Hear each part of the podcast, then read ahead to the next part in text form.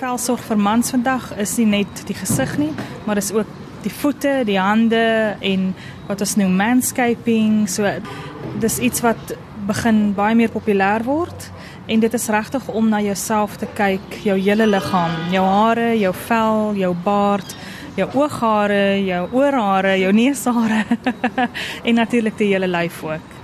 Hoe het die kultuur van skoonheidsbehandeling oor die afgelope paar jaar verander?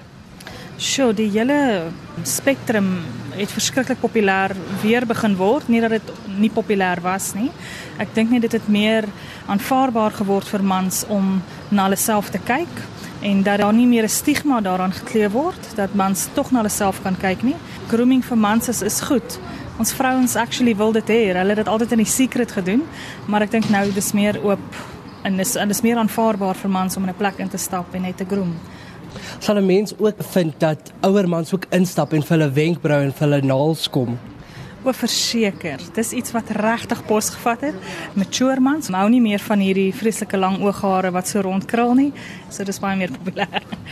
Dis baie metropolitaans, maar dink jy hoe mens lyk is deesdae meer belangrik as in die verlede? Mans wil voel dat dit is vir hulle 'n ander experience om gegroom te word. Ons probeer ook met die barbers, jy weet dit is 'n plek waar hulle kan vry voel en waar hulle kan voel hulle kan oor enigiets gesels, van sokker tot rugby tot braaivleis tot die meisies tot wat ook al. Jy weet so so as allerhande goed wat hulle kan voel dis hulle plek en en dis 'n experience vir hulle wat hulle saam met hulle vat elke maand hopelik. Is dit meer mans wat die behandelings aanbied? Nie noodwendig nie. Ons het 'n klomp dames ook, 'n klomp meisies wat ook as barbers opgelei word. Ek natuurlik verkies om meer meisies in die barbershops in te kry. Dis net asof ons meisies net 'n bietjie van 'n sagter touch het op die vel, veral met die skeer en en so so.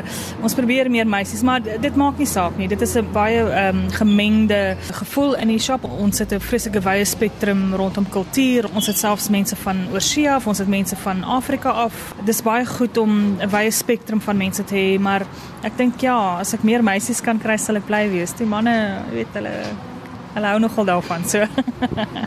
Vind jy dat mans deesdae dieselfde aandag geniet nes vrouens wanneer dit kom by skoonheid en skoonheidsbehandeling? Ja, ek dink die mark begin meer aware raak van wat mans se benodighede is en en en en die behoeftes rondom skoonheid. Ek dink die die mark en en sekere uh, skoonheidshuise ook begin nou meer en meer sien dat daar is uh, gaping in die mark om basies uit te brei. So daar word baie gefokus op verskillende soort skoonheidsbehandelings vir die mans. So ek dink die mark het bietjie geskuif en bietjie meer nie nie minder aandag begin gee aan vrouens nie, maar daar's nog steeds 'n groot mark daar. En die tipe behandelings verskil ook net so bietjie want jy kan nou jou wenkbrau gaan doen, jou hare laat sny en jou baard ja, ook lekker dit, korter knip.